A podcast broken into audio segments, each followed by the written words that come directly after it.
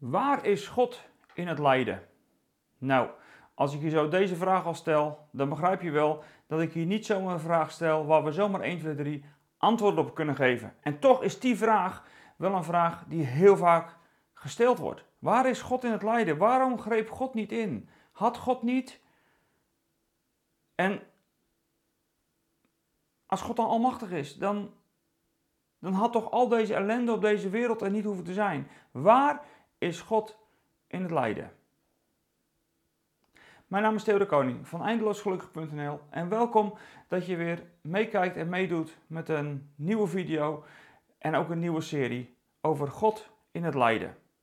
Bij Eindeloos Gelukkig hebben we het verlangen dat elke gelovige een discipel mag zijn van Jezus, die echt hem volgt in alle dingen die uh, Jezus ook deed. Maar de andere kant is ook waar, er komen soms ook vragen op je af, dat je denkt van, maar hoe zit het nou? Nou, omdat we ook in de lijdenstijd zitten, in de 40 dagen tijd, net hoe dat je daarnaar kijkt. En ik al een paar keer een serie heb gedaan over de laatste dagen van het leven van Jezus in deze periode van het kerkelijk jaar. En ik toch iets met dat lijden wilde doen. En deze vraag eigenlijk al een hele tijd bij mij lag te broeden. Waar is God nou in het lijden? En daar is best wel heel veel, heleboel over gezegd natuurlijk. Maar ik heb er eigenlijk nog nooit iets over gezegd. Nog nooit met je over nagedacht. En het is een vraag waarvan ik ook geloof, die doet er gewoon echt toe. En daarom wil ik deze serie, waar God in het lijden is, um, ja, wil ik met je doorheen. En ik zei het net al, het is ook een, een vraag, daar geef je niet 1, 2, 3 antwoord op. En daarom gaat het ook gewoon niet in één video lukken. We doen er gewoon een hele serie over, over God in het lijden, hoe dat dan zit en hoe dat het nu is en hoe dat het wordt en hoe dat het was. We beginnen bij het begin en, en al die vragen die eromheen zitten, die zullen we ook gewoon even eerlijk op tafel leggen. Want ja, het heeft wel te maken misschien met je beeld van God. Of met je beeld van deze wereld. Hoe zit dat nou? Nou, daar wil ik met je over nadenken in deze serie God in het lijden. En we gaan vandaag naast even die vragen gewoon te benoemen. En ik heb er een heel, een heel lijstje, kan ik je zeggen, van vragen die hiermee samenhangen. En ik weet zeker dat je ervan gaat herkennen. Dat is de ene kant. En ik wil ook even met je terug naar het begin. Zodat we in ieder geval vanuit een, goede, vanuit een goed begin kunnen beginnen. Letterlijk een goed begin. Maar om die vraag van waar is God in het lijden? Er zitten een heleboel vragen omheen. Hoe zit dat dan nou met God in het lijden? En ehm, is God dan machteloos in dat lijden wat, wat ons nu overkomt? Kan God dan niet ingrijpen? En als God in kan grijpen, waarom doet hij het dan niet? En is God dan niet de oorzaak daarvan? Um, is God eigenlijk wel betrokken op het lijden? Daar komen we in deze video vast niet aan toe. Dat is voor verderop, omdat ik bij het begin wil beginnen straks. Maar is God eigenlijk wel betrokken op dat lijden? Als dat lijden nu een realiteit is, hoe dat het ook zit, maar is God dan wel betrokken? Is Hij daar dan altijd bij en grijpt Hij dan nooit in? Wil God eigenlijk het lijden? Ik hoorde pas geleden iemand zeggen dat als je zegt dat eh, God het lijden niet wil, dat je zou dwalen. Want we moeten maar accepteren wat God wil dat ons overkomt. Nou, ik waag dat te betwijfelen. Daar ga ik ook heus nog wat met je over delen. Maar God en het lijden is niet uw wil geschieden. Dus kijk uit dat je niet gelijk maar doorslaat. Voel je hoeveel vragen dit oproept, God in het lijden? En als God het lijden dan niet wil, is het dan nu op te lossen voor ons? Omdat God het dan toch niet wil, en kunnen wij dan nu iets doen waardoor het lijden opgelost wordt, want God wil het niet? Nou, dat is allemaal maar net de vraag.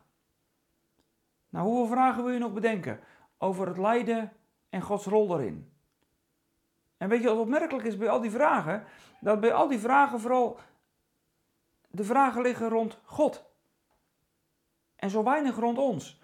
En als je buiten de kerk kijkt en mensen die niet geloven, dan moet je, uit, moet je opletten hoe vaak, dat de hoe vaak dat de vragen gesteld worden in een soort veroordeling naar God toe. Nou, als God er dan is, en als God dan almachtig is, Waarom sterven er dan kinderen? Waarom gebeuren er dan aardbevingen? Waarom, waarom, waarom? Voel je aan dat dit ongelooflijk ingewikkeld is als je zo gelijk al zo'n vraag krijgt om dan nog een antwoord te geven? Dus als je nou deze vragen misschien wel helemaal niet hebt, en dat kan hè, dat je helemaal niet worstelt met die vraag van waar is God nou in het lijden? Als je daar niet mee worstelt, dan geeft deze serie misschien wel woorden in de mond om juist de vragen die je soms op je afgevuurd krijgt en waarin God zich lijkt te moeten verantwoorden voor het lijden, omdat hij almachtig zou zijn, dan geef ik je misschien wel de antwoorden waardoor dat je in ieder geval kan reageren op die lastige vragen. Want dat zijn het, lastige vragen. Want God die volmaakt is en almachtig is en toch lijden in deze wereld, gebrokenheid en verschrikkelijke dingen die er gebeuren. Het is zo'n grote tegenstelling in ons gevoel dat je bijna zegt er klopt toch iets niet? Maar dat is nou maar net de vraag. En eigenlijk, oh ja, en wat er dan ook nog bij komt, en die noem ik gelijk omdat ik die koppel aan vandaag. En dan zeggen ze toch, zeggen, er wordt er ook vaak nog bij gezegd, ja maar God is toch liefde? Precies. En dat is nou de sleutel van God in het lijden. Dat God liefde is. Want als God geen liefde was geweest, dan hadden we misschien wel geen lijden gehad. Ja, nu zeg ik iets waarvan je denkt van, dit klopt niet. Als God geen liefde was geweest, dan had het lijden misschien er niet geweest. Dat dat spannend klinkt, snap ik. Ik zal het je uitleggen. En daarom gaan we met elkaar naar het begin. Wat gebeurde er aan het begin van de wereldgeschiedenis? God kwam tot de conclusie dat hij een wereld wilde maken, een hemel en een aarde wilde maken en een wereld wilde maken.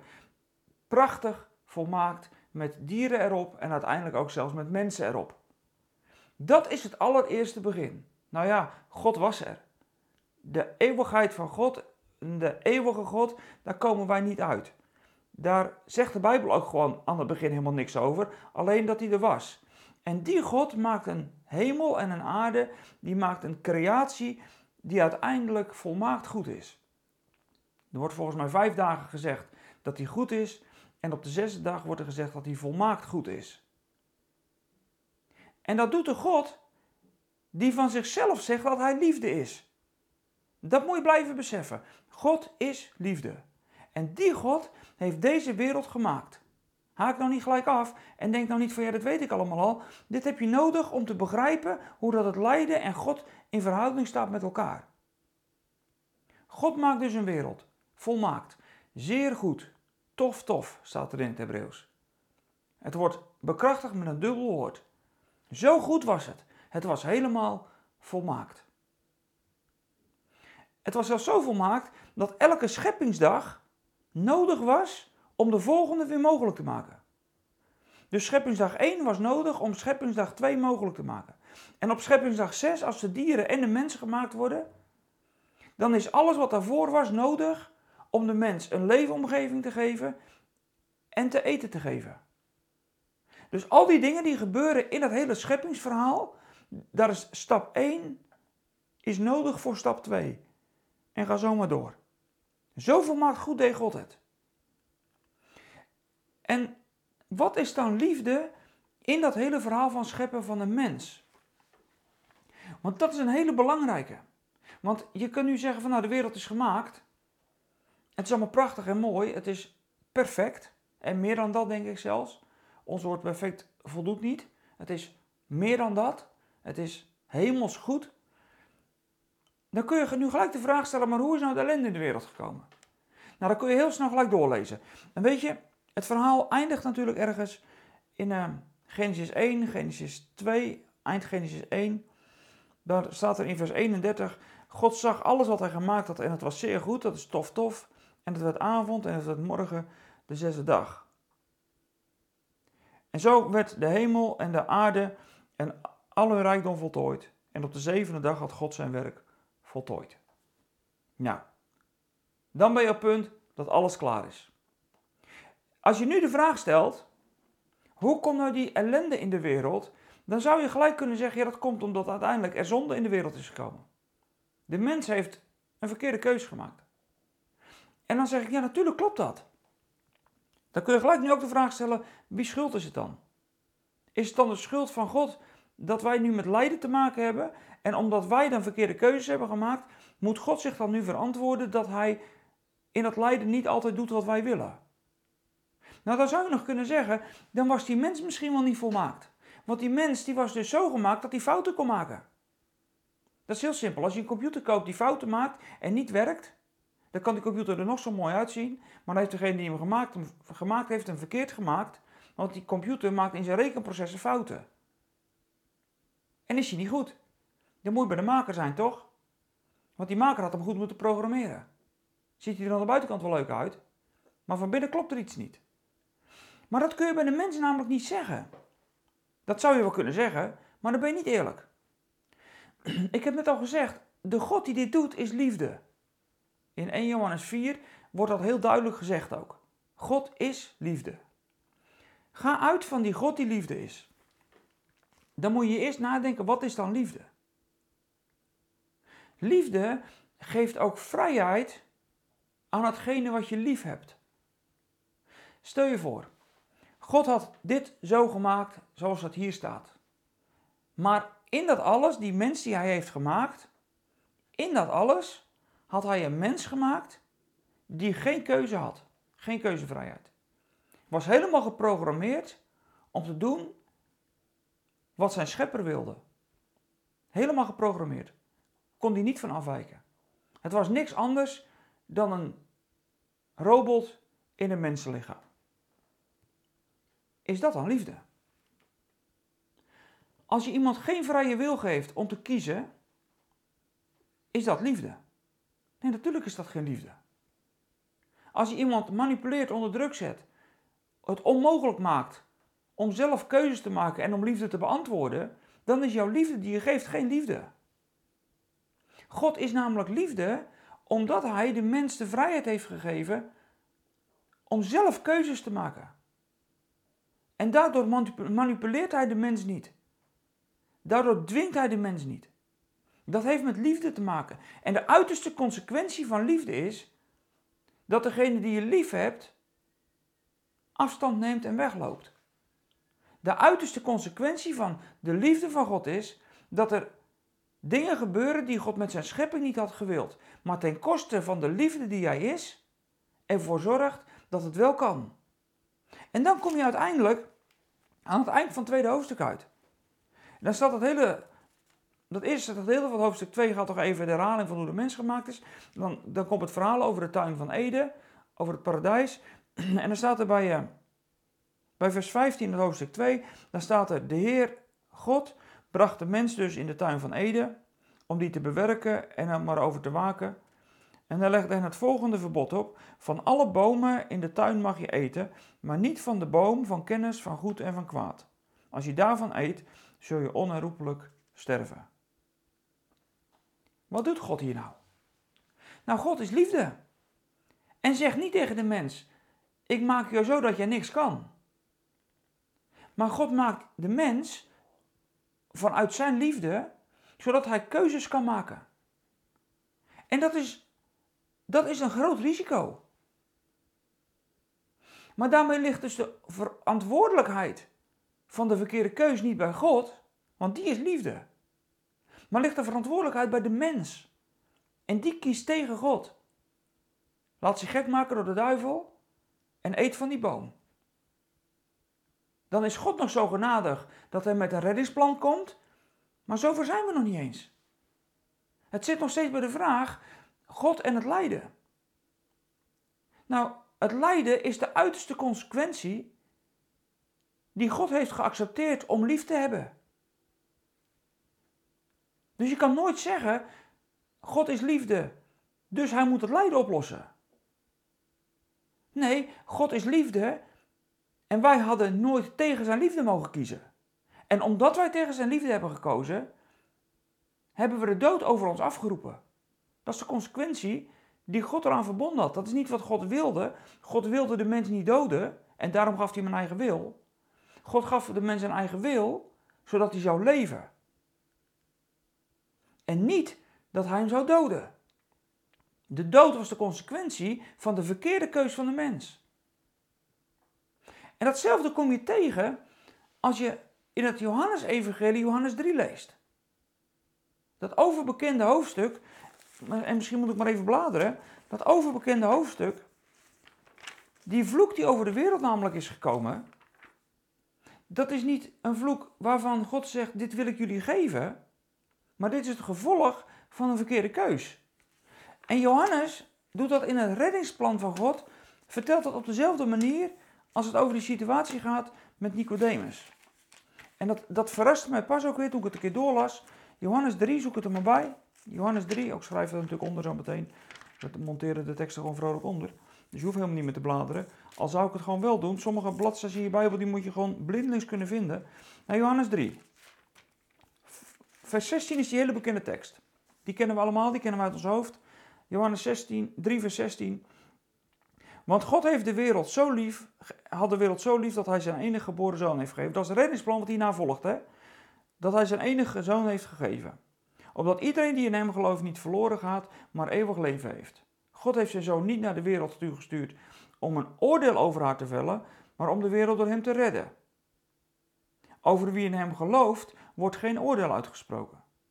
Maar wie niet in hem gelooft, is al veroordeeld, omdat hij niet wilde geloven in de naam van Gods enige zoon. Wat zegt Johannes, of wat zegt Jezus hier? Dan schrijft Johannes. Jezus zegt, ik ben naar deze wereld gekomen omdat God deze wereld lief heeft. En iedereen die in mij gelooft, die gaat niet verloren, die wordt gered. Dat is ook Gods liefde, want dit heeft ook met een keuze te maken. Wat is nou de uiterste consequentie? Van als wij de keuze zouden maken om Jezus niet lief te hebben en niet in hem te geloven. Dan is volgens Jezus in Johannes 3 de uiterste consequentie dat de mens verloren gaat. Is dat wat God wil? Nee. Is dat wat God doet? Ook nee. Nee, lees maar wat er staat. Als je goed meegelezen hebt, vers 18. Iemand die niet wil geloven in Jezus, die wordt niet veroordeeld, maar die is het al. Met andere woorden, de verkeerde keus van de mens heeft niet een gevolg in een keus van God, maar daarmee breng je jezelf onder dat oordeel. Door niet te willen geloven, ben je al veroordeeld. Met andere woorden, je bent onder dat oordeel dus al geboren. En je moet geloven, je moet wederom geboren worden hier. Wat gebeurt er dus als de mens tegen God kiest in het paradijs? Dan laat God het lijden niet als een straf komen, maar kiest de mens voor om onder die vloek te gaan leven. Ik vergelijk het wel eens met een paraplu. Als je nou buiten in de regen loopt en je wil niet nat worden, dan moet je een paraplu opzetten. Maar als je nou onder die paraplu vandaan loopt, word je natuurlijk kletsnat. Zo werkt het ook met een vloek. God geeft zijn zegen. Als je gewoon gehoorzaamt, is er niks aan de hand. Doe je dat niet en loop je eronder vandaan, wat gebeurt er dan? Hetzelfde als met een paraplu. Dan word je nat. Dan raakt de vloek jou. En God heeft die vloek aangekondigd. En niet omdat God dan deze wereld gebroken maakt. Maar het is veel erger. Wij hebben de wereld gebroken omdat wij tegen God kozen. En omdat we tegen God kozen, is de wereld niet meer volmaakt. God heeft niet de wereld kapot laten gaan, maar dat doen wij door onze keus. Dus de eerste vraag over waar is God nou in het lijden, dat is de eerste vraag die je moet beantwoorden. Is God verantwoordelijk voor het lijden? Nee, God is niet verantwoordelijk voor het lijden. God is volmaakt liefde. Goed. Helemaal volkomen. Niks mis met God. En de, en de schepping die hij maakte was volmaakt goed. Inclusief de wil die hij aan een mens gaf, waardoor de consequentie kon zijn dat alles kapot zou vallen. Dus alles wat God in ons lijden doet, is zijn genade. Dat is voor de volgende keer. Maar dat wil ik nu al wel eens gezegd hebben. Alles wat God in het lijden doet, dat is zijn genade. En God maakt hier dus niet een nieuwe hemel en een nieuwe aarde, terwijl hij nog niet in Jezus is teruggekomen. We hebben dat lijden aan onszelf te danken en in dat lijden is God veel nabijer dan dat wij denken. Maar je moet wel vanuit de goede volgorde naar het lijden kijken waar God niet verantwoordelijk voor is. En dus is het zijn goedheid en zijn onbegrijpelijke, onbegrijpelijke, onbevattelijke liefde dat hij soms toch ingrijpt in ons lijden. En dat hij zelfs de vloek voor een deel van ons wil afwenden. God in het lijden begint met het antwoord op de vraag: Is God verantwoordelijk voor het lijden? En dan is het antwoord nee. God is niet verantwoordelijk voor het lijden, want wat hij heeft gedaan was volmaakt goed. Hij is goed, hij blijft goed, zal altijd goed zijn. Hij was liefde, hij is liefde en zal altijd liefde blijven. En binnen die kaders geeft hij ons mogelijkheden om daar onderuit te komen. En dan is hij nog zo goed om, ondanks dat wij dat doen, toch in dat lijden nabij te zijn. En daar gaan we de komende tijd naar kijken, hoe God dat dan doet. En hoe God in ons lijden nabij is. Dus dat mensen doodgaan is niet de keus van God geweest, maar is de keus van ons geweest. Dat er verschrikkelijke mensen op deze aardbol rondlopen, is niet omdat God verschrikkelijke mensen heeft gemaakt, maar omdat wij het verschrikkelijk hebben gemaakt. En als we dit niet in de goede verhouding zien, dan ga je altijd mis met elke vraag over God in het lijden. Nou, ik weet het, dit is heftig. Dit klinkt ook niet super positief, omdat het over ons gaat. Maar ik wil het wel in de goede volgorde, in het goede perspectief zetten. Ga je dit loslaten, dan kun je niet over God in het lijden spreken. Want dan krijgt God altijd schuld. En het hele probleem van de mensheid die God de schuld geeft van het lijden, is altijd het probleem dat die mensheid niet in haar eigen spiegel kijkt. En daar moet je wel beginnen. Nou, dat is de eerste video in een serie die, vind ik, best heftig is. En ook ingewikkeld is. Want we krijgen niet op alles een antwoord. Maar dit is wel een antwoord waar de Bijbel gewoon mee begint. De uiterste consequentie van de liefde van God is heftig. Maar is wel Gods liefde.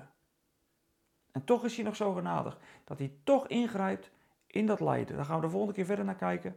En hoe dat met Gods genade zit en met Gods liefde. En hoe hij dan ingrijpt in de Bijbel. En hoe dat wij erop kunnen reageren en hoe hij op ons reageert. Want God is niet onvermurbaar. God is genadig en blijft liefde. En in die liefde doet hij een heleboel. Ik hoop dat deze video jou één stapje, zo'n stapje, verder helpt in de vraag God in het lijden. Meer dan dat ene stapje doen we vandaag echt niet. Daar hebben we een video voor nodig, dat zie je. En daar hebben we nog niet alles gezegd wat je zou kunnen zeggen. Ik hoop toch dat dit kleine stapje op weg naar het begrijpen van God in het lijden jou gaat helpen. Deel het ook met anderen.